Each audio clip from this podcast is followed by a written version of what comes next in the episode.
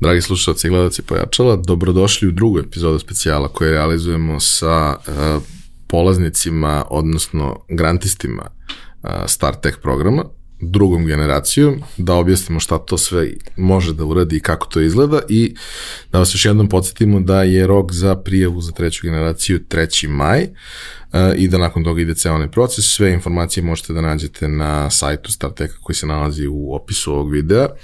A, u prethodnoj epizodi ima malo više informacija o konkretno programu za ovu godinu i neko, nekih istorijskih podataka koji možda nisu loši da, da malo steknete jasniji kontekst. I imamo priču čoveka koji je iz korporacije napravio svoj uh, odnosno izašao i napravio svoj startup nakon veoma duge i uspešne karijere. A danas imamo dve priče koje su malo drugačije, malo specifične, jer nam je nekako bila ideja da pokažemo šta sve tu može da bude, odnosno kakvi se sve tu čudni ljudi skupljaju i čudne ideje.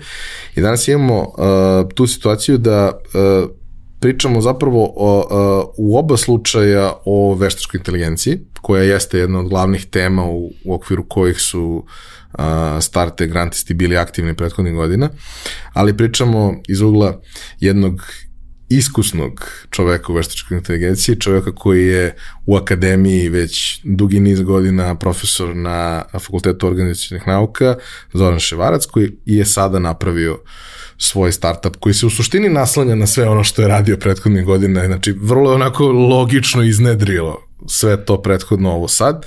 I imamo jednu priču gde kako sami kažu u svom piču, klinci iz matematičke gimnazije koji su posle završili neke odbiljne fakultete, su se okupili u jednu malu uh, outsourcing firmu koja je sada iznedrila jedan projekat koji se zove Sign Avatar i koji je jako interesantan, pričat ćemo o njemu, koji osim što ima veliki, verujem, potencijal i, i komercijalno i sve, čini ovo društvo boljim mestom i inkluzivnijim mestom. Ali ajde krenemo redom.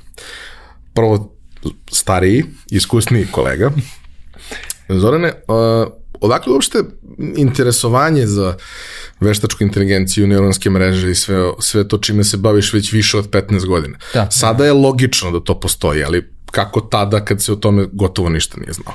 Pa još za vreme uh, studija osnovnih zainteresovalo mi su me procesiranje jezika. Tada sam pravio nekog chatbota, to je neke 2000. godina i uvek me je zanimalo malo više od, da kažem, to klasičnog programiranja čovjeka to savlada, onda traži neke nove izazove. Uh, I onda sam ovaj, bio fasciniran kada smo imali predmet programski jezici i kompajleri, znači formalni jezici, onda sam ja, aha, sad ću ja da napravim chatbota. I onda sam počeo malo da čačkam, pa je prosto vuklo jedno za druge, onda ta su bile aktualne i semantičke mreže. I onda sam u jednom trenutku shvatio, aha, neuronske mreže su sigurno odgovor na ove probleme sa kojima se suočavam i počeo sam da to proučavam i to mi je posle bila i tema za diplomski rad, onda sam to proširio na magistraturu i tako dalje. Tako da veštačka inteligencija je tada eto, bila onako više u akademskim, da kažem, istraživačkim krugovima, nešto je malo postojalo, a to su sve bili više onako projekti entuzijasta, imalo je vrlo ograničenu primjenu, znači još uvek to nije ono ušlo u neku masovnu primjenu kao što je danas i onda vremenom prosto to je eto, tako neke 2013. godine otprilike su kad su prvi značajni pomaci napravljeni ovaj, onda je to dobilo mnogo veću mogućnost primjene i posljednjih godina, dakle to je baš onako jedna tehnologija koja ima ogromnu mogućnost primjene, svi su zainteresovani, svi uh, su svesni da ne mogu dalje da, da, da pomere i svoje poslovanje ovaj, i rad bez toga. Tako da, eto, to, to je, znači, prvo je bio kao neki hobi, onda je bio vezano za moj akademski rad i onda kada je došlo određeno vreme, onda ovaj trenutak, jeli, kada je ta tehnologija i primjena sazrela, onda se rodila ta ideja za taj preduzetnički poduhvat. Volio bi samo malo da nam pojasniš, pošto kad već imamo čoveka iz akademije, što ne bismo mhm. dobili još neka objašnjenja, ovaj, da nam malo pojasniš o tome zapravo, uh, ok, aj, prvo si pomenuo pojam neuronskih mreža, uh -huh. uh, što jeste bilo nešto čemu se više pričalo dok nije kovanica AI postala nešto što je, što je odomaćeno. Da nam objasniš šta je to, kako funkcioniše na jednom nivou koji može da razume manje više svako. Da, pa evo ovako, znači neuronske mreže su zapravo jedna od tehnika mašinskog učenja, tako znači to je jedna podoblast veštačke inteligencije. Veštačka inteligencija od kad je nastala, znači ona je dugi niz godina dominantno bila vezana za neki sistem koji je zasnovan na skupu pravila i takozvana simbolička veštačka inteligencija. Ovaj, neuronske mreže su isto postoje 50 godina i više, ali su imale vrlo ograničenu domet. Znači, probleme koje su mogli da reše su bili ograničeni i to je bilo ovako interesantno za istraživače da se igraju s time, da pročavaju neke fenomene, ali zapravo primjena je bila vrlo ograničena. Šta su neuronske mreže? Vrlo često će se reći, naći ćete ono u literaturi, u medijima, da su to tehnologija koja radi kao što radi ljudski mozak, što je netačno. U principu one su vrlo grubo inspirisane načinom na koji je to nekim principima, ali u suštini to su o, sistemi, računarski programi koji mogu da uče iz podataka. I ono što je specifično za njih jeste što su imaju te algoritmi su takvi da mogu da uče jako dobro iz velike količine podataka. Znači njima se prezentuju neki primeri i oni uče iz tih primere praktično na osnovu nekog iskustva. I zato se ta tehnika i zove mašinsko učenje. Znači i one su specifične po tome što tak struktura kako ti modeli su interno napravljeni uh, imaju kao te neke ve, takozvane veštačke neurone koje su međusobno povezane i tako dalje. Sad nije bitno kako je to napravljeno, ali zbog toga naziv neuronske mreže precizno bi bilo veštačke neuronske mreže i tako dalje, ali nema potrebe da ulazimo u te detalje. Znači, suština je da oni mogu da stiču iskustveno znanje i to je razlika... Uče po modelu. Tako je, uče po modelu. Znači, oni uh, uče statističke neke paterne iz nekog uzorka. Znači, pripremi se um, podaci koji opisuju određeni problem, određeni zadatak koji treba model da nauči i on onda pokušava da nađe ovaj, uh, neku zakonitost, ali interesantan je način na koji one uče tako što uh, pokuša, pokušavaju da smanje grešku prilikom. Znači slično onako kao i što ljudi uče kad bilo ko treba nešto nauči, on prvo proba, pa aha, nije uspelo, pa kako da se malo približim da, da, da bude manja greška i oni radi po tom principu da kaže minimizacija greške. Koja nikad ne postaje nula nikad ne postaje nula. Ta, čak nije ni poželjno da postane nula, jer u tom slučaju je idealno naučio taj a, iz tih primjera, ali verovatno će kada dobije neki manji idealan slučaj greška biti veća. Tako da uvek ovaj, se ide na nešto što je dovoljno tačno i upotrebljivo.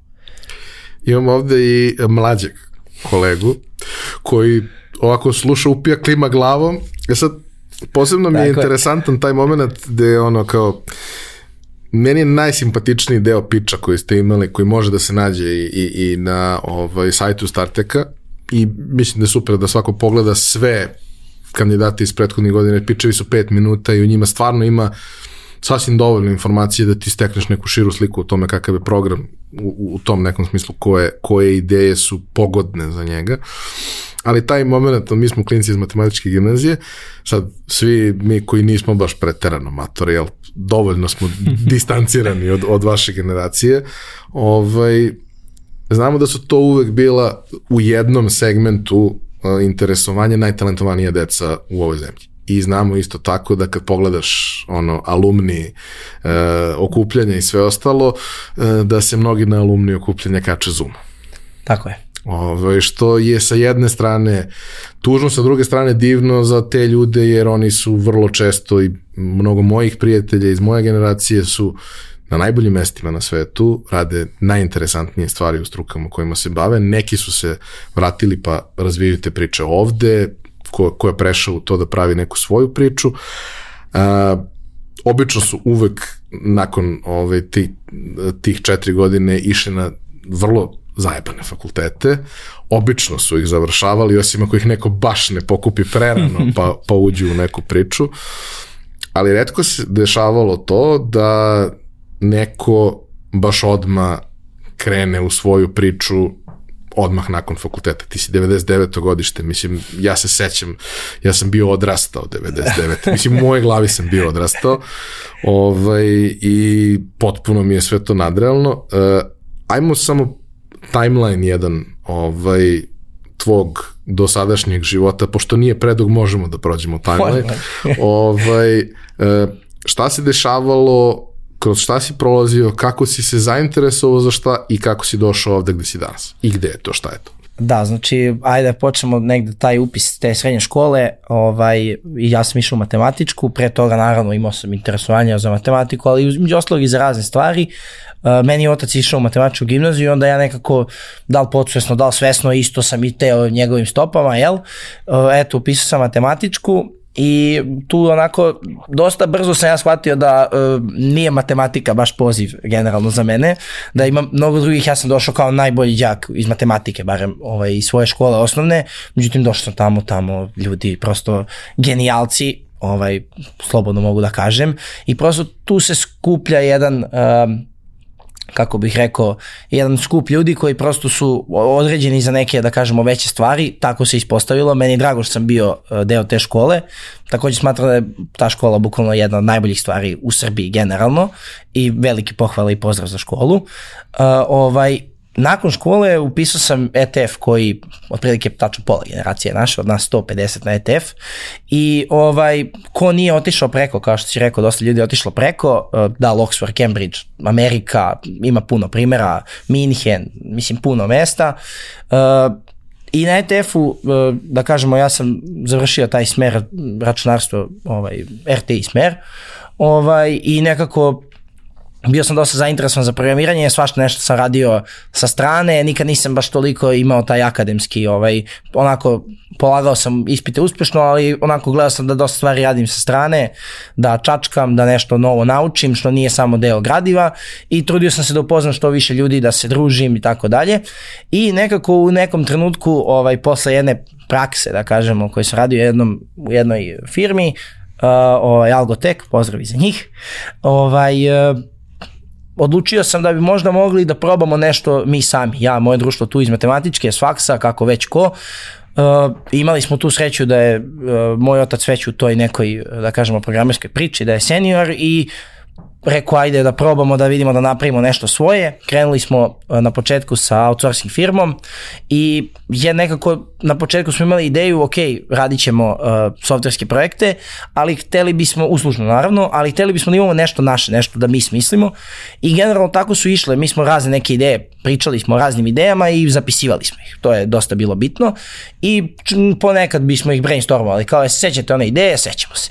Uglavnom, kad se ta ekipa skupila, Uh, mi smo negde usput došli na ideju za Sign Avatara, to je software koji prevodi govor na znakovni jezik i uh, zapravo tu su nama dosta pomogli ljudi iz Algoteka, Uh, naročito, uh, naročito Aleksandar Bakoč, koji je uh, naš prijatelj veliki, uh, koji nas je pozvao jedan dan i rekao, e, ja sam čuo da postoji jedan uh, da postoji jedan poziv za korišćenje superkompjutera u Kragujevcu, to je jedni superkompjuter, hajde ako hoćete, dođite, znam, zna, prati našu ekipu, zna nas, kaže ajde dođite da uh, porazgovaramo, da vidimo malo neki business case za neku od ideja, dođite sa što više ideja pa ćemo mi to da skupimo, da vidimo, da izađemo na taj konkurs sa jednom. I prošli smo par sastanaka, jel, ne znam ko bili smo 5-6 puta nas došlo tamo 5-6, pričamo ono ozbiljni sastanci sve. I ovaj, došli smo na kraju ideju za sign avatara i to je nekako bila, izdvojila se kao ideja da bude uh, nešto na što bismo mi bili sutra najponosniji, da pokažemo svoje deci i zato smo odlučili da se time bavimo. Hvala Bogu, na kraju smo taj konkurs i dobili, ali eto taj, da kažemo, korak nam je značio da mi izađemo iz tog nekog mentaliteta uh, outsourca ili slično i da napravimo neki naš proizvod što je zapravo ono što smo i želeli i nekako ja sam u toj nekoj tranziciji prešao malo više da radim uh, neki biz dev ili tako nešto slično, malo manje da programiram, iako i to sad radi se sve, kao što u, svi znaju. U firmama svi sve rade. U startupu svi sve rade, da. Uh, priča je sjajna, ispričat ćemo je još.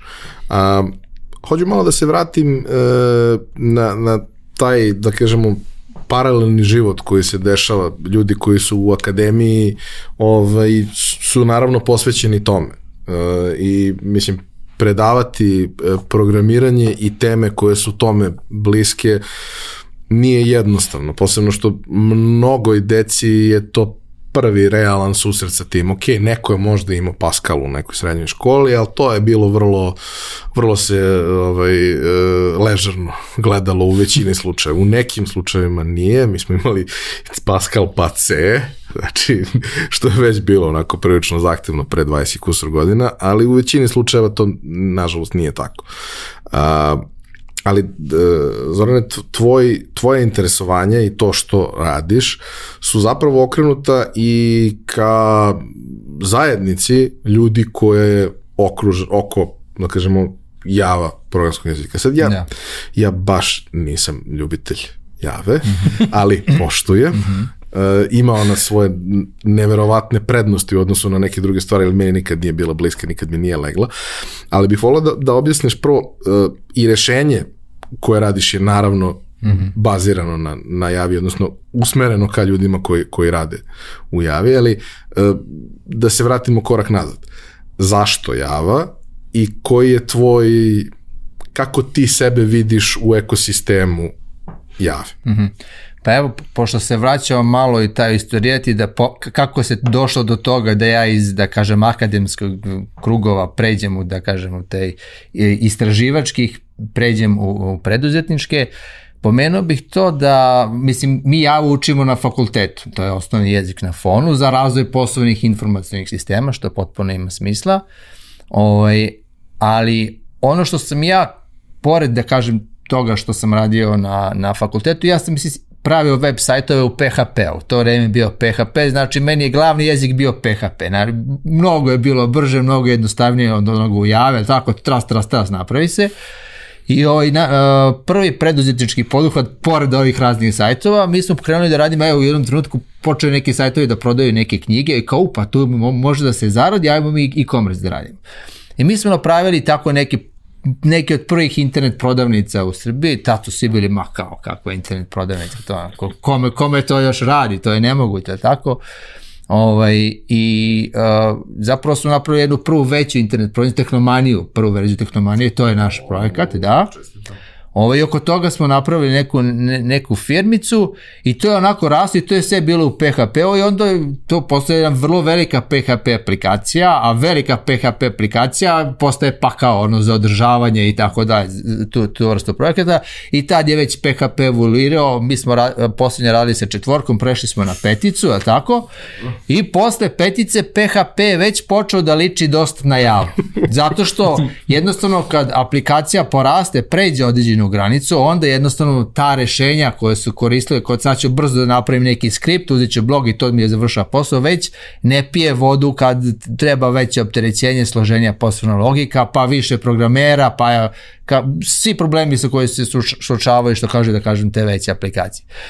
Paralelno uh, sam na fakultetu počeo da, uh, mislim, radio sam u, u javi taj istraživački deo, jer to je bilo ono što smo i predavali na fakultetu I onda sam ja u jednom trenutku shvatao da dalje više to u, u, u javi nema, nema, u PHP-u nema smisla raditi i počeo sam da gledam ka javi, polako sam se okretao ka java programiranju. Istovremeno sam uh, napravio taj jedan, jednu biblioteku, zapravo koja je prelasta posle u framework u javi, koja je bila ovako vrlo zgodan open source projekat za učenje neuronskih mreža. I u tom trenutku uh, sam se, pošto sam tra, napravio sam tu biblioteku i tražio sam rešenje za grafički interfejs, da to bude onako programerima zgodno, jasno, odnosno meni da bude onako kako sam ja želao to da bude. Ovaj, tako su mi se nekako povezao sa NetBeans je nudio ovaj, neke kurseve, neke obuke, da ja lepo uzem njihov grafički interfejs i da samo stavim svoje pluginove. Uh, I ovo, ja sam pozvao te ljude preko interneta, onako oni došli, održali kurs, ja se oduševio kako izgleda ta platforma i počeo da radim, da kažem, taj alat. Ovaj, to je bio taj Neurof software. I tu sam se ja povezao sam tom međunarodnom Java zajednicom i to što smo napravili smo onda prezentovali na konferenciji Java One koja je onako konferencija broj 1 u toj oblasti i to je, meni se otvorio čitav jedan novi svet. Tad još se cijela ta priča sa startup zajednicom i, i još nije onako vrlo, vrlo je blago, da kažem, krenula još nije bila toliko a, a, aktuelna i upoznao sam jako, jako istaknute ljude koji su, uh, James Goslinga sam onako upoznao, upoznao sam čoveka kao Jaroslava Tuha koji je napravio NetBeans, stvarno alate koji su onako vrlo moćni, koji su legende. No, razvojno okruženje da. koje koristi ogroman procenat ogroman ljudi koji se bave time. Tako je. I ovaj, tako da mi se tu otvorilo zaista jedan potpuno novi svijet gde sam se ja jako pronašao zato što je vrlo friendly, vrlo otvorena zajednica, svi su nekako bili normalni, svi su prijateljski bili raspoloženi i cela filozofija oko Java je bila open source. Znači Java i dan danas open source. Ok, ima kompanija koje to razvijaju i koji koriste za, za svoje potrebe i razvijaju biznisi na tome, ali i dalje je vrlo otvoreno. Znači Java se razvija kao open source projekat OpenJDK, posle Oracle to specializuje za svoje potrebe, IBM za svoje Red Hat i tako dalje. Ali uh, kada u čovjek uđe malo sam jezik, ok, može, preferencije su različite u zavisnici od toga zašto, zašto se koristi. Znači ja ne smatram da je Java idealno rešenje za sve, ali za te posebne velike aplikacije je onako dominantna, zaista. Ovaj, pored toga, kad vidite priču kako je Java evoluirala, znači preteč iPhone-a je napravljena u Javi Znači, James Gosling je to prezentovao, znači jedan mali uređaj koji je onako kao neki tablet koji je imao touch screen, tako, tad se nije zvao čak ni Java, nego se zvao Oak, jeli? I cela, cela ta istorija da oni prvo nisu napravili su programski jezik i nisu znali šta da rade sa njim, ok, super je tehnologija, ali gde ćemo, koji use case, ko, kome to treba?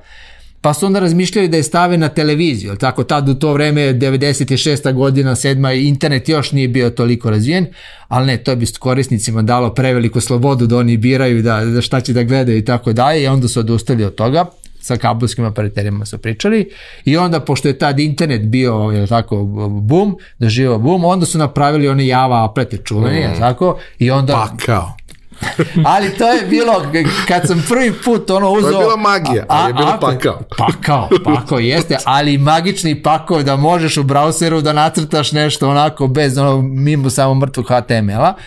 Ovaj, I tako, znači, prosto i kad uh, čovjek dublje uđe u to i kad shvati kako to radi, znači Java nije samo Java programski jezik, to je Java virtualna mašina na kojoj danas mogu da se izvršavaju bilo koji programski jezici, uh, to je uh, sam način kako radi ta virtualna mašina, nekada je bila spora, tako Java prati ta, ta, ta, ta priča Java je spora, ali Java danas nije ista kao Java 97. Mislim, to je takvi sofisticirani mehanizmi i kompileri i automatska optimizacija koji su rešili veliki broj problema koji postoji sa recimo C++ ovaj, programiraju, znači vezani za bezbednost, vezani za privatnost i tako dalje. Ovaj, naravno Java ima svojih nedostataka, ali postoje drugi alati na Java virtualnoj mašini, ako hoćemo nešto kao Python, onda postoji Apache Groovy, znači scripting jezik, nije to toliko sad masovno u, primjeni, ali postoje rešenja i uh, činjenica je da je Java, zaista ja smatram da je i dalje razvojna platforma programerska broj 1, iako oni ti obe indeks sad kaže da je Python, ali ti obe indeks je vrlo diskutabilna stvar. Mislim, kogod je malo detaljnije pogledao šta oni mere, znači to, to nema veze, ali dobro, to je druga priča. Ovaj, I druga stvar je, uh, što, eto, da kažem, ja i kao neko iz Srbije ko nije u centru tih dešavanja vezano za jave tehnologije, dobio sam priliku da, da radim na razvoju java standarda baš zato što je open source i da sa nekim ljudima širom sveta napravimo tu specifikaciju za mašinsko učenje u javi i da pokušamo to da, da standardizujemo, da bi dobije veliki broj korisnika. Tako da ce, cela ta filozofija, znači pre svega fascinacija samom tehnologijom, a druga otvorenost zajednice mene zaista privukla. A, s jedne strane, mene lično, a s druge strane, obzirom da trenutno ne postoji po mom mišljenju, adekvatno rešenje koje je široko prihvaćeno u Java svetu, a koje rešava probleme vezano za veštačku inteligenciju i mašinsko učenje, tu smo videli jednu veliku poslovnu priliku da tako nešto napravimo i da ljudima koji su Java zajednici koji opet malo zaostaju za time što, se, što postoji u Pythonu recimo, ponudimo neko ovo rešenje. Posebno firmama kojima je sada to, da kažem, imperativ da, da, da sustignu ovaj tu trku. Dobro. Imamo tu jednu priču o suštinski ekosistemu. Da to nije programski jezik, nego ekosistem. I činjenica jeste negde da, iako ja ne volim, na osnovu ličnih iskustava, ovaj, činjenica jeste da trendovi prolaze, java ostaje. I to je ono što je zanimljivo. Ja se sećam, ono, kao, ono, za, za mnoge stvari prvi izbor 98. 9. 2000. te prve, druge, treće je bio Perl, pa je onda nakon toga za većinu, da kažemo, web stvari PHP bio dominantan ko nije otišao na ASP stranu i Microsoft tehnologije i sve ostalo. Pa je sada za većinu stvari negde ispod svega toga Python i o tome se najviše priča i mislim ima on svoje prednosti jer pre svega mislim da, da, da je jako važno kao i za PHP da je ta ulazna barijera relativno niska. Jednostavan je za učenje. Mislim, ono kao, mene nije, nisam želeo da ga naučim, pa sam naučio PHP prilično, ne mogu da ga pišem, ali mogu da ga razumem. Sad kad imam alate koji suštinski dobar deo napišu za mene, mogu i da ga pišem ako treba. Ja sam uvek bio nešto možda čačne. Ja ne mogu da više ovako konceptualno. Ovaj, E sad, mi smo sad ovde pričali o nekim stvarima koje su se dešavale pre nego što si se ti rodio i, i kad si bio jako mali. Uh, tvoj ono, dolazak u kontakt sa programiranjem, ok, imaš u kući. Tako je. To, to pomaže. Ali e, kako je zapravo to uopšte izgledalo, odnosno iz svega što si rekao prethodno, moj utisak je da si ti to video kao sredstvo da dođeš do cilja, a ne kao nekakav, nekakvo opredeljenje. Ne kao poziv, nego kao rešenje.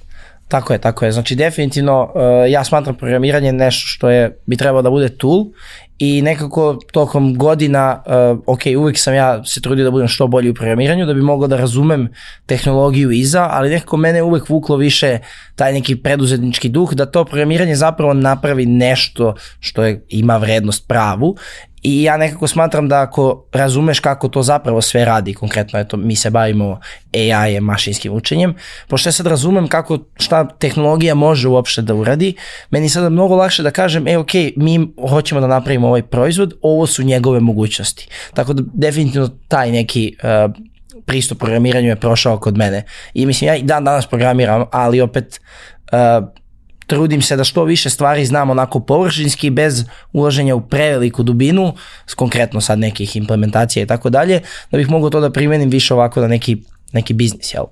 No, ima taj onaj moment da ono, ja to često pričam ljudima, ne moraš da znaš da programiraš moraš da razumeš kako Tako. radi i da razumeš šta može. Jer ako razumeš šta može i kako radi, ti možda daš dobru instrukciju.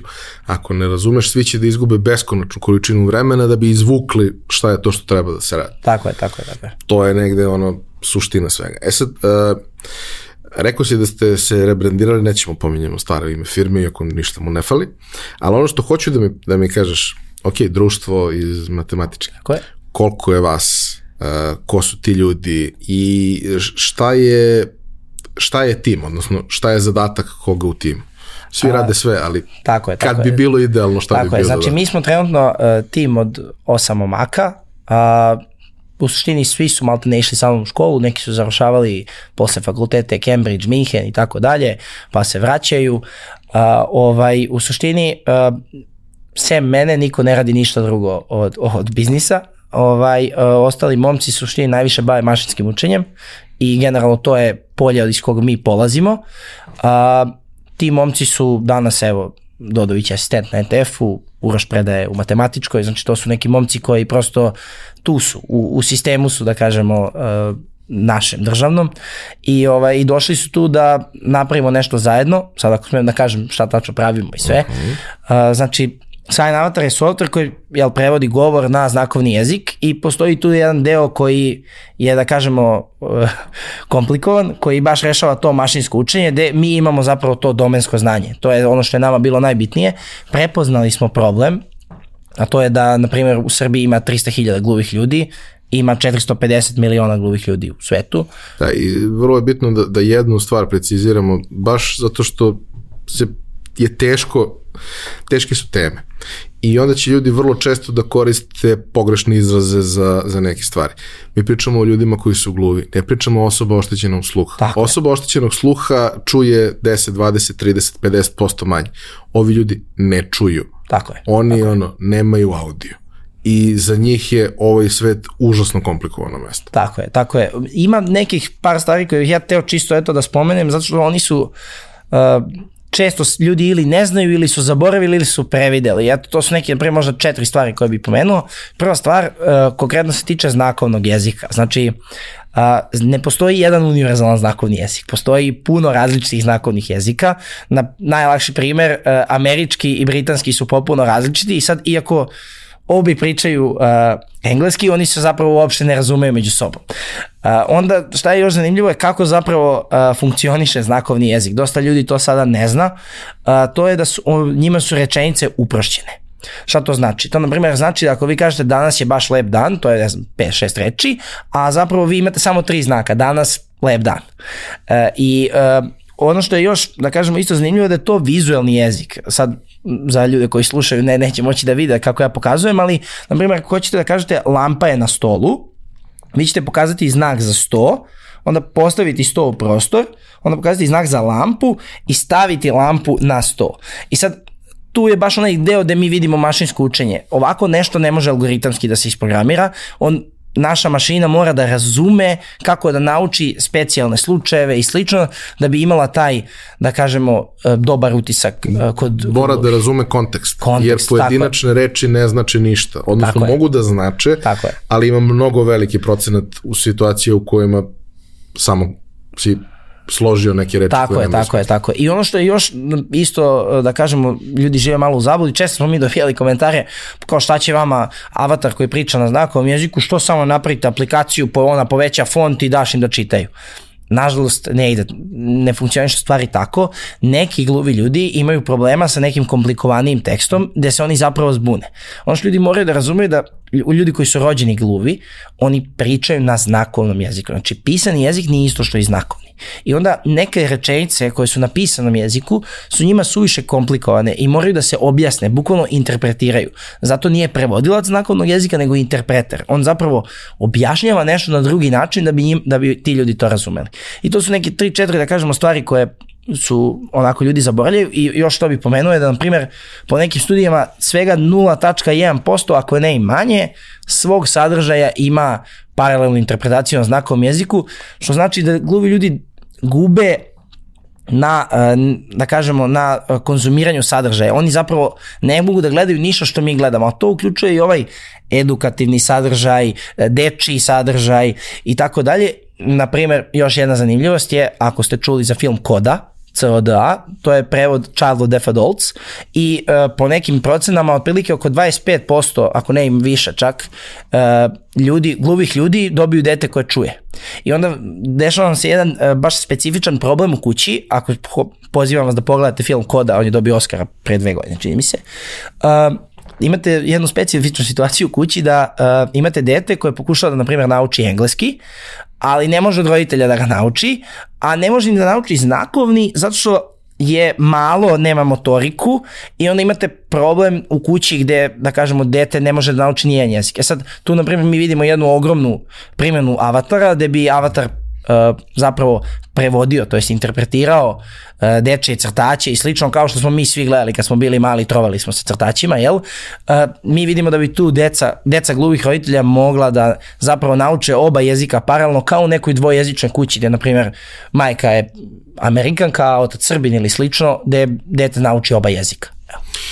Postoji taj moment gde prosto dokle god nismo u nečijoj poziciji, mi zaista ne možemo da razumemo to sve. Ja sam pričao par puta kao o tim nekim stvarima, zato što pominjao sam i u pripremi, imam par prijatelja koji su ili oštećenog sluha ili gluvi ili imaju u porodici osobu koja Jasno. jeste s tim što u, u skoro svim tim slučajevima to su osobe koje su vrlo integrisane u društvu jer su imale podršku uz ceo taj put. Tako je. Imaju oni svoje probleme sa, sa interakcijom sa drugima, ali funkcioniše, završili fakultete, zaposleni, sve to ide kako treba.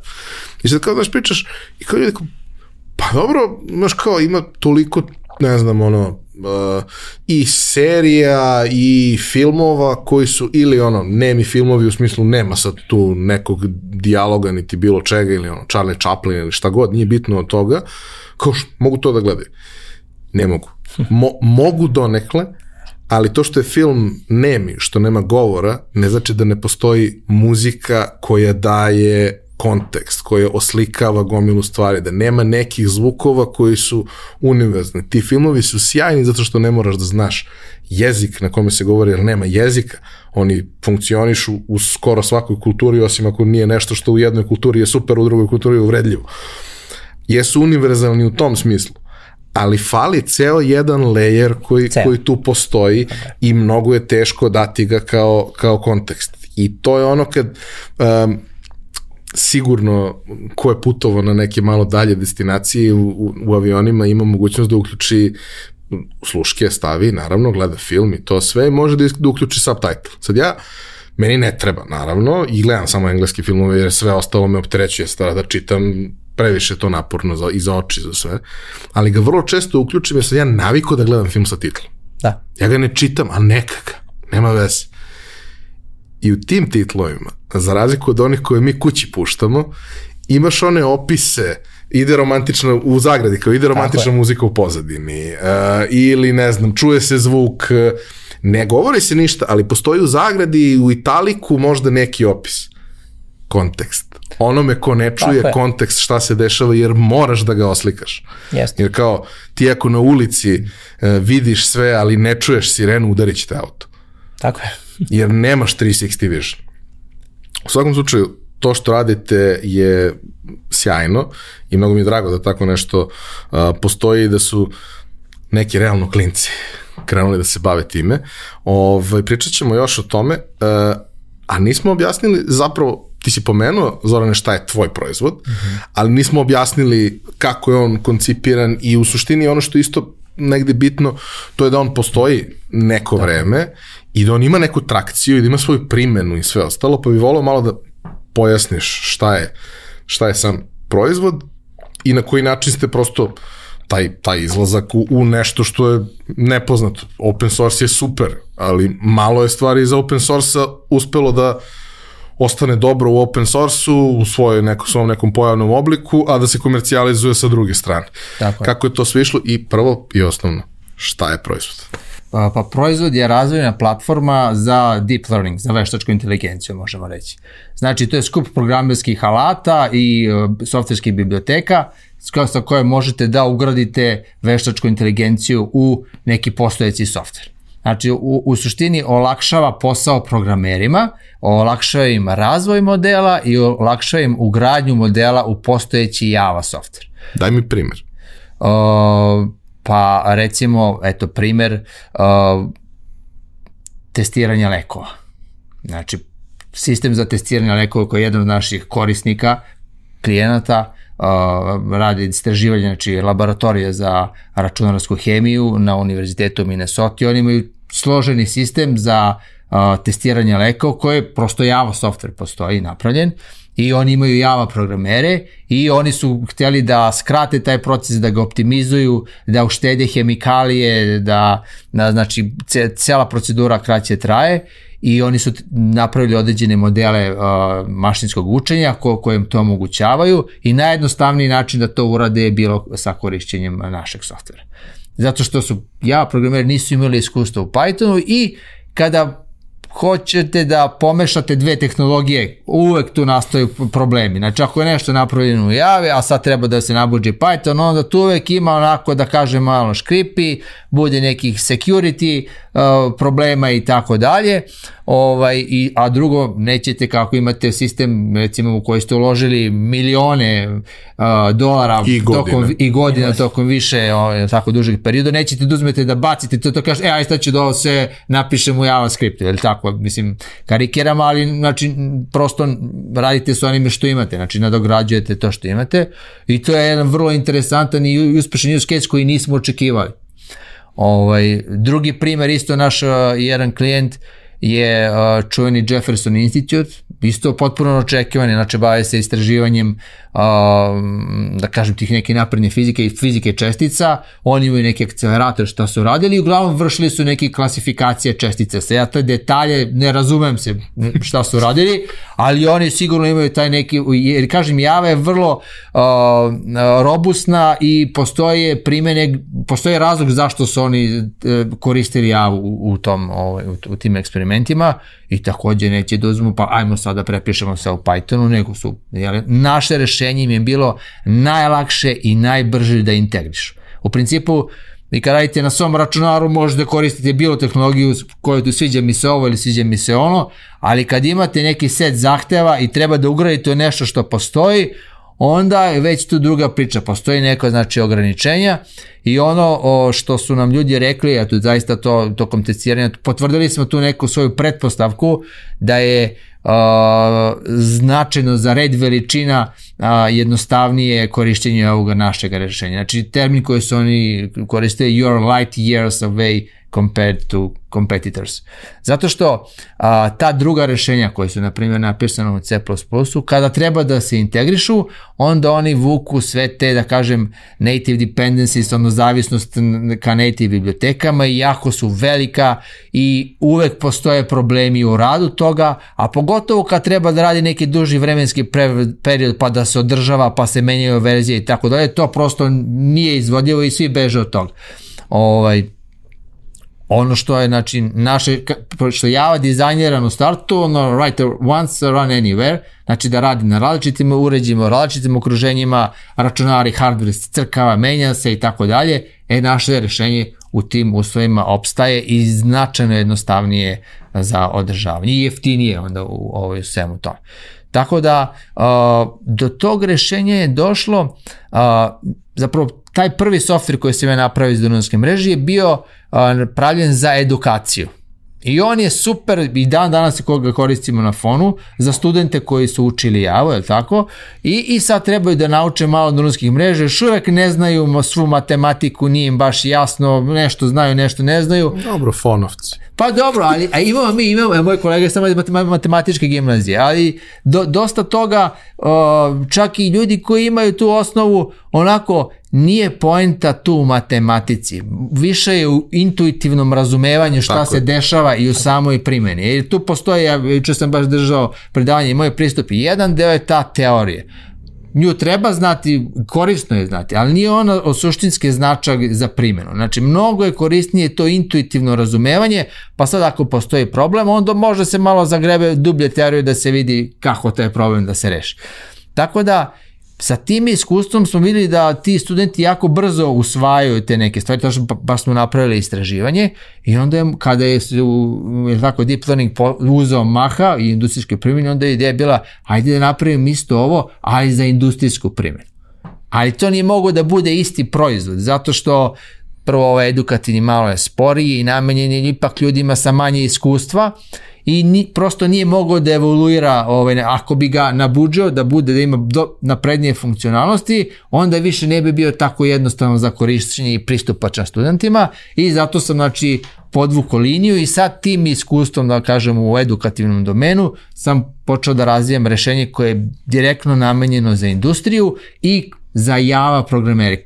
Ideja softvera je da a, vi jednog a, a, software developera koji primarno ima iskustvo u razvoju softvera, sada date mu late da on odjedno može da razvija i da ugrađuje modele mašinskog učenja, znači u postojeći softver.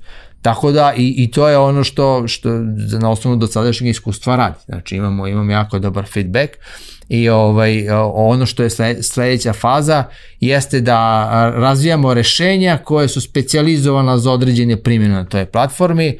Eto, pomenuo sam ta dva klijenta iz Amerike, sad trenutno radimo ovaj, na predviđenje finansijskog rizika, razvoj use case-a i takođe na optimizaciji procesa isporuke, znači ove, mm. je tako, razne kuće koje, uh. koje radi isporuke, tako da to, to, optimizacija cene u zavisnosti da li pada kiša ili koja je guža u saobraćaju, različita je cena isporuke u toku To mi je uvek bilo jako interesantno, da. taj ono uh, traveling salesman problem koji se rešava u toj situaciji gde kao ti kažeš pa dobro, ali zašto ne znam, nemam sad pojma, više zaboravio sam tačan slučaj, ali kao zašto UPS kombi skreće samo desno? Da, Prate da. zato što ima dovoljno veliki uzorak da je optimizovanije da skreće samo desno. Pojedinačno možda nije, da. ali na milion vožnji je Tako je. to bolje da. rešenje i to je to i planiraš ga tako. Gde imaš dovoljno veliki broj, mogućnosti i dovoljno veliki broj izvršilaca i dovoljno veliki e, izvor podataka ti možeš da optimizuješ i nije bitno da li je intuitivno. Tako je. Bitno je da je tačno. Tako je. Jer na kraju Da krajnji, dana to... krajnji rezultat bude, da kažem, kraće vreme isporuke, da korisnici znaju koje će biti vreme isporuke, da, da cena bude prilagođena tako da postoji, jel tako, zarada, ali da bude konkurentna na tržištu i tako dalje. Tako da Mislim, i, i taj moment, da, znaš, kao, često meni je jedan od klijenata, znaju ljudi koji prate pojačalo, Epson nam je ovaj, e, velika podrška u ovome što radimo, nama je jedan od klijenata Epson i sad ti kao pokušavaš da objasniš ljudima da oni stvarno daju eko rešenje i sve to. I ne, ne možeš da im objasniš, ne vredi. Znači, ok, brojke, statistike, 97% manje na period, od, ne, ne znači im to ništa. Dok ne dođe partner iz Bosne i kaže ljudi, ja 500 maraka mesečno uštedim na gorivu, jer manje idem da servisiram, jer mi ne treba, manje habam kolom, ali kao kad kažeš 500 maraka uštedim na gorivu, na onome što je nekad bilo obilaženje, menjanje cartridge i slične stvari, mm -hmm jebi ga, čovjek može sebi da vizualizuje, prvo 500 maraka svako može da vizualizuje, Da. ovaj, a i može da shvati koliko je to zapravo, nije, nije to stvar goriva, to je stvar koliko je to kilometara, koliko je to sati, nekakve Tako. vožnje ljudi i svega i, i to je pakao. Mladi kolega, e, u piču koje ste prezentovali, e, prezentovali ste dosta nekih zanimljivih ideja use case-ova koji, da kažemo, izlaze iz okvira uh, toga šta, šta jednom individualnom korisniku to može da donese ako ga ima, ne znam, na telefonu, kao što ono, kad odeš u Kinu ili u Japan, moraš da imaš ono čudo da ti njemu kažeš, pa onda on njemu kaže šta si ti njemu rekao, on tebi ka, i, to, i to ne radi. Ali ti to imaš. Znači, to je okej, okay, to je na nivou individualnog korisnika, ali uh, pravljenje od toga nekog proizvoda, da to nije samo lepa stvar koju ćemo mi da damo zajednici, jer, ok, i to je, ali mora od nečega da se kupi kisela voda. Kako ste vi zamislili da izgleda komercijalizacija toga svega i koji su neki prvi use case-ovi koje, koje napadate? Pa tako, evo, znači, uh, mi ćemo raditi, trenutno radimo na dva proizvoda. Uh, jedan prvi proizvod koji će jako uskoro izaći je uh, prevodilac koji prevodi public transit ili kako, kako bismo rekli javni, javni prevoz, prevoz jel te, na recimo železnici, aerodromu, autobuskoj stanici i tako dalje, koji rešava jedan konkretan problem koji možda ljudi nisu ni mislili o njemu. Nekad, na primjer, vi dođete na voz i čekate voz na peronu 4, na razglasu se priča da je voz pomeren na peron 7, pa morate tamo ispod da prođete. E, ako ste glup čovjek, to ne čujete, jel? I onda imate problem da se jel te ispalite za, za voz, što svakako nije nešto što biste želeli, međutim ako bi Avatar prevodio te servisne informacije u realnom vremenu, vi biste mogli kao glup čovek da prisustujete tome i bez problema da znate sve servisne informacije, isto je i na aerodromu, ne znam, uh, ono, pređite na taj gate, uh, traži se, ne znam, ta i ta osoba da dođe do pulta i tako dalje. Znači ima puno tih nekih, da kažemo, servisnih informacija i to je prvi proizvod koji ćemo, s kojim ćemo izaći.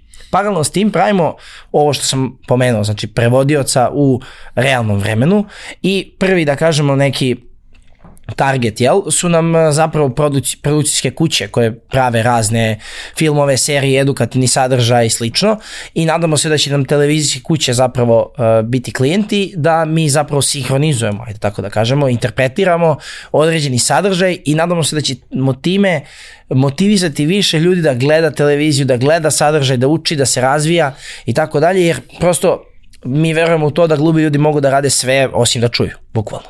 I uh, kraj Imamo naš... primere koji to potvrđuju. Tako je, naravno. Samo ih je malo, jer okruženje ne podržava. Naravno i generalno neki taj, e, ta naša vizija e, na kraju je da svaki medijski sadržaj, znači gde god ima govora, da tu ima i znakovnog jezika, da bi oni mogli da se, da kažemo, integrišu. Sad neki od primjera mi smo navodili, to su naš krajnji cilj, jel te, YouTube, gde vi samo pritisnete, kao što će ovo sve biti na YouTube-u, pritisnete CC, ili u ovom slučaju sign captions i on odmah to prevodi na znakovni jezik ili na primjer još jedna od korisnih situacija je na primjer uh, live conference ili tako nešto tipa kao ono na Teamsu da imate više ili razne konferencije, razna mesta gde vi zapravo imate potrebu da neko vas čuje, uh, mi se nadamo da će gluvi ljudi moći da čuju šta god vi hoćete da im kažete.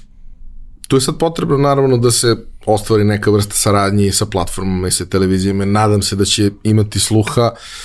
Verujem da ono, da je to uvek stvar toga da dođeš do jedne osobe koja je čempion koja će to da izgura i siguran sam da ono kad imaš tri dobra primjera da će da se pojave još 33 koje su zainteresovane. Ali ono što bih volio je da malo još pojasniš, pošto e, to je problem koji je poznat i nisu sva društva kao što je naše ono, da, da se fokusiraju na bazično preživljavanje svih 100% zdravih ljudi i da to smatramo uspehom, jer to, u tom smo, u toj smo fazi, društva koje su razvijena, gde takođe nema baš nešto preterano dobrih rešenja, postoji taj problem da je jezik drugačiji svuda, što zvuči kao noćna mora, zaista. Jeste. Ali, okej. Okay. Uh, ali, e, znaš kao, kompleksan je problem. Nije nešto što može da se reši tek tako. Potrebna je kontekstualizacija, konteksti mogu da budu jako komplikovani. Kako vi radite na tome, jer vi ste talentovani klinci koji su dobri programeri, odlični statističari, sve to super. Ali vi ne znate kako je kako je tim ljudima, ne znate realne okolnosti i sve, kako radite na tome da taj proizvod bude prvo što bolji, a onda što više prilagođen njima. Mislim, to, su, to zvuči kao ista stvar, ali nije. Ne, ne, jasno, jasno.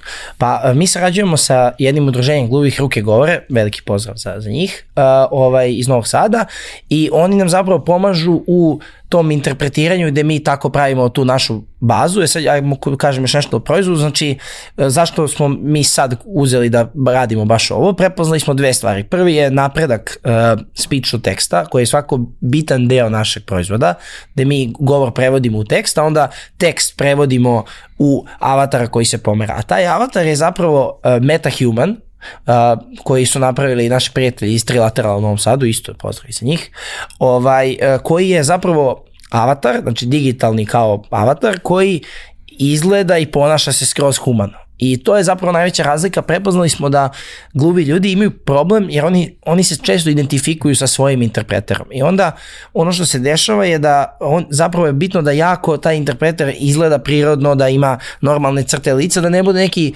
onako crtani lik, onako nekako čini se da im je to dosta bitno, zato što imaju, kao što kažem, imaju tu povezanost sa njim.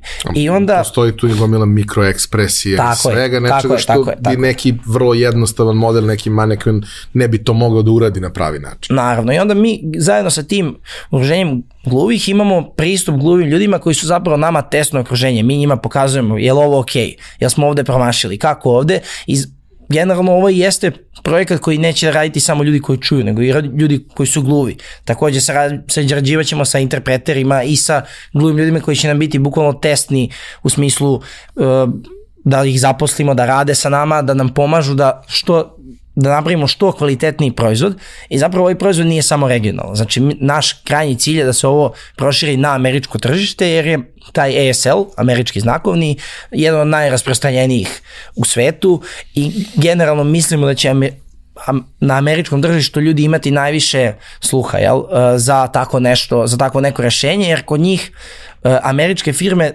dosta značaje stavljaju na jedan jako bitan deo poslovanja, to je taj ESG, to je Environmental Social Governance, gde zapravo kompanije ulažu novac uh, u dobrotvorne projekte da bi im se novac vratio kroz neki uh, employee retention i tako dalje, što su stvari vi dokazujete da niste samo kompanija koja pravi pare, nego da vi zapravo brinete o, uh, vi zapravo brinete o ljudima oko sebe. I to je posle jedna od bitnijih metrika, pored da kažemo nekog biznis case-a koji mi imamo prema recimo železnici, prema um, ovim TV kućama gde one imaju jel te veću gledanost, može i reklame i svašta nešto, vidimo i da će neke kompanije, to je čak dosta njih, uh, hteti da podrže projekat u smislu stavit će ga u svoju banku, u svoju ekspozituru ili nešto slično, vidimo univerzitete, evo profesor je tu, uh, da može onda i održi svoje predavanje i da ga slušaju i gluvi ljudi i tako i prosto vidimo puno primjena i vidimo da želimo da na kraju budemo ekvivalent uh, one rampe za uh, one rampe za uh, kako se zove za, ko, za da. imali da za kolica jer to je nešto što svi imaju i to treba da svuda postoji. A do skoro nisu ni to imali. Tako svi. je i mi želimo da postavimo prosto standard u tome nekom jer verujemo da je to stvarno potrebno, da tim ljudima stvarno treba pomoći. Jednu stvar nisi pomenuo, a u razgovoru prethodno jesi i mislim da je ona jako važna. Znači, Mhm. mm -hmm. pričamo o tome da postoji u Srbiji 300.000 gluvih ljudi. Koliko ima interpretera? Pa sada, e, po e, zvaničnim i nezvaničnim e, informacijama, postoji njih samo 20. E sad, ja sam možda promašio, možda nije, ta, ta, možda nije tačan broj, ali nek sam i promašio. Nek sam promašio 10 puta, nekih je 200. Na 100.000 gluvih ljudi, ajde, 300.000 u Srbiji gluvih, ali 100.000 koji pričaju znakovni, koji im je to osnovni vid komunikacije, vi ako imate neke i 200 interpretera, oni su, vi ako ste gluv čovek, vi želite da radite neke jednostavne stvari, kao na primjer idete kod lekara. Ako tih 20 interpretera mora da bude u skupštini ili na RTS-u, na vestima ili tako nekim bitnim informacijama, oni ne mogu vama da pomognu da odete kod lekara. Što znači da vi imate jedan ozbiljan problem. Mi zapravo, naše rešenje ne planira da ukida interpretere. Naprotiv, mi želimo da interpretera bude još više, jer su oni potrebni na mestima gde tehnologija neće moći da reši problem. Kao što je, na primjer, kod doktora ili nije ni bitno. Prosto mi Dobro, želimo... da je to baš jako specifično, Tako je, ali prosto... ali mislim, nema internet. Naravno, prosto uh, mi želimo da interpretera bude još više. Ono što mi isto vidimo kao potencijalni uh, use case, ono što želimo svakako nam je deo našeg uh, plana, to je da napravimo na srpskom jednu platformu za učenje, gde, jer vi danas, ako hoćete, kao što smo mi hteli, da naučimo malo znakovnog jezika, nismo uspeli, jer nema gde. Uh, onda smo zajedno sa tim interpreterkama malo, one su nas učile po nešto da kažemo, kao evo ovaj primjer što sam ja pokazao, ali uh, generalno hoćemo da postoji jedna platforma za znakovni jezik gde ako na primjer dobijete gluvo dete, možete da, odmah da uzmete da ga učite i da ono zapravo može da funkcioniše, jel te, u, u svetu oko sebe i da bude funkcionalno. Mislim, postoji taj ozbiljan problem da uh, učiš stvari koje se prostorno dešavaju iz knjige. Tako je. To je ono što sam ja par puta prolazio kroz neke situacije kao Znate da je najbolji crtež na svetu, meni i dalje nije jasno. Ja znam da sastavim Ikea stolicu zato što je jednostavna, ali ne umem da sastavim nešto kompleksnije jer ne mogu da sastavim to samo na osnovu tri crteža, na osnovu 50 crteža kad me vodiš korak po korak, to je već druga stvar. Ali nema uvek ni toliko dobre volje, ni, ni, ni, ni mogućnosti da ovaj, se ide tako u detalje. Uh, Zorane, u ovom nekom završnom delu razgovora bih volao da, da samo se vratimo na povod zašto smo uopšte ovde. E, zašto si aplicirao za StarTech prošle godine i kako ti deluje tvoje iskustvo, odnosno za sad kako izgleda cela priča? Pa e, razlog zašto da bismo dobili finansiranje jer prosto je pojavila se potreba za taj sledeći korak, odnosno komercijalizaciju tog našeg rešenja, je potrebno prosto odraditi neki marketing i nismo mogli više sve sobstvenim snagama ovaj, da doradimo, nego prosto specijalisti koji bi nam pomogli i u vezi dizajna, u vezi kreiranja sadržaja, m, plaćanja preko sajta i tako dalje dosta toga bi se mogli sami, ali bi nam trebalo dosta vremena, tako prosto ne, ne želimo da se fokusiramo na razvoj proizvodi i na komercijalizaciju. Tako da postoje tu neke aktivnosti koje nam, ovaj, što kaže, su u toku i koje treba da nam pomogne da prosto taj proizvod donesemo i da prodamo što širem broju tako, korisnika. Ovaj, a samo iskustvo sa StarTechom je zaista odlično. Zato što mislim da je sama prijava administracija je minimalna i pomog, sam proces nam je pomogao da sami sa sobom razjasnimo neke stvari. I vezano za to šta nam je proizvod i koja nam je ciljna grupa i kome hoćemo da ga prodamo i kako ćemo da ga prodamo i tako dalje. Prosto kroz taj proces prisanja osetili smo da je to ono na kraju čak i pre nego što smo dobili da je cijela priča postala malo zrelija i onako bolje ovaj fokusirana i sve, sve, sve kako je bilo po planu tako, tako se realizuje tako da je naše iskustvo za sada jako dobro. A vaš slučaj? Pa, naš slučaj je dosta sličan, samo što ja bih rekao da mi bukvalno kad smo došli na prijavu za StarTech, uh, smo malte ne došli samo sa idejom. Znači, ni, ne da nismo počeli da radimo, nego prosto eto, imali smo neku ideju, ali nikakav uh, biznis model, nikakav go-to market. Uh, mi smo videli kako to otprilike treba da izgleda, to jest mi smo imali viziju, ali bez ikakvih brojki, bez, ma bukvalno bez ičega. E sad tu je onaj deo da je nama StarTech najviše pomogao, pored novca koji nam svakako mnogo znači, uh, potreb, po- pomogao nam je baš kroz tu prijavu, kao što je profesor rekao. Znači, mi smo došli i neko nas je pitao teška pitanja i mi smo na teška pitanja davali odgovore i onda se priča se, da kažemo ovako, uozbiljila uh, i dosta pomerila ka nekom drugom, međutim tokom same, da kažemo, tokom izvede dok, dok je StarTech program trajao, mi smo još pet puta to promenili, još malo što se kaže u startup svetu pivotirali ga za još malo i nekako vidimo da evo sad, pošto sam ja već ispričao kako će ti proizvodi da izgledaju, da mi već sad imamo neku, da kažemo malo ozbiljniju ideju kako bi to stvarno trebalo da se odradi i drago nam je što su nam pomogli čak i sa nekim, znači mi smo uglavnom, mi smo tehnička ekipa onako, pomogli su nam oko nekih, da kažemo, biznis odluka, tu nama pomaže i naš, mi imamo jedan mali board of advisors koji nam pomaže dosta u tim nekim biznis odlukama, u salesu, kako da se nađe ko je pravi kupac i nadamo se da ćemo uskoro ići u taj neki period investicije, da, da pokušamo da nađemo investitore, da zapravo proširimo tim i za taj neki netehnički deo, pošto naš tehnički deo bi trebalo da ume da, da napravi ovo rešenje. E, pošto oba rešenja su bazirana na veštačkoj inteligenciji e, imamo predstavnike dve generacije u toj celoj priči. E, jedno koji je tu bio kada se to popularizovalo, razvijalo i dolazilo do onoga što imamo danas i jedno koji, neću kažem dobio to na gotovo, nema, nema sad da se vrećem, ali koji je već video nešto upotrebljivo, a ne samo nešto abstraktno i zanimljivo.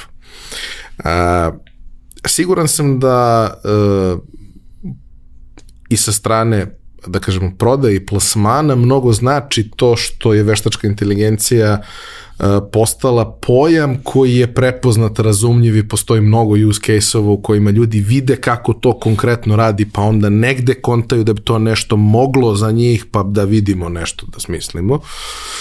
Da to sigurno dosta pomaže, ali ono o čemu se takođe dosta priča je uh, da naravno kako to uvek biva, jeli, kad su, kad su takve stvari u pitanju, da postoje uh, scenarija koja se, za koja se očekuje da će biti loša, da postoji gomila nekih potencijalnih problema. E, volio bih za, za sam kraj obojca da u par rečenica uh, kažete kako vi to vidite. Ja moram da kažem jednu stvar koju kao, kao neko ko je to istraživo hobistički prethodnih 20 i kusur godina, kao ja suštinski imam problem sa izrazom zato što to nije inteligencija. Znači, inteligencija podrazumeva nešto drugo. Ovo je samo jako dobra veština i ono, neko komprimovano znanje, ali ne, ne sad inteligencija. Ali nisam ja ovde bitan. Bitni ste vas dvojice. Hajmo prvo profesor. Pa, um, mislim da slažem se sa ovom konstatacijom da, da, nije to inteligencija. O, ono što se sada gura to je kao artificial general intelligence, znači ta neka opšta inteligencija, daleko smo još od toga, ali da imamo tehnologiju koja ima veliku primjenu i koja može mnoge stvari da promeni onako kako se trenutno radi, to je činjenica prosto. O, I opet je čak i kad je krenuo taj sad talas primjene od 2013. pa 2015. opet je to malo utihnulo, jer tako uvek bilo kroz istoriju. Uvek kad se nađe do nekog novog otkrića u, u veštačkoj inteligenciji, uvek si, aha, sad ćemo da imamo robote, sve će da rade umesto nas, moza gotovo napravili smo. Imam čak članak iz 1954. godine koji isto to tako kaže, kao da su ga sad preslikali iz 2017 I onda je veliko razočarenje kad se to ne desi. I počelo je ta kao AI winter, ta zima dolazi, tako da krene sa velikim entuzijazmom i onda splasne. Međutim, sad su jednom pojavio chat GPT i pokazao da zapravo neće splasnuti, nego da su vrlo brzo u kratkom periodu mogući vrlo značajni pomaci. I još to nije zaista inteligencija kao što ljudi ima ljudska inteligencija, ali neka simulacija, znači veštačka inteligencija nije inteligencija, nego je simulacija ljudske inteligencije, mislim da bi, bi to bilo odgovarajuće, da kažemo, objašnjenje.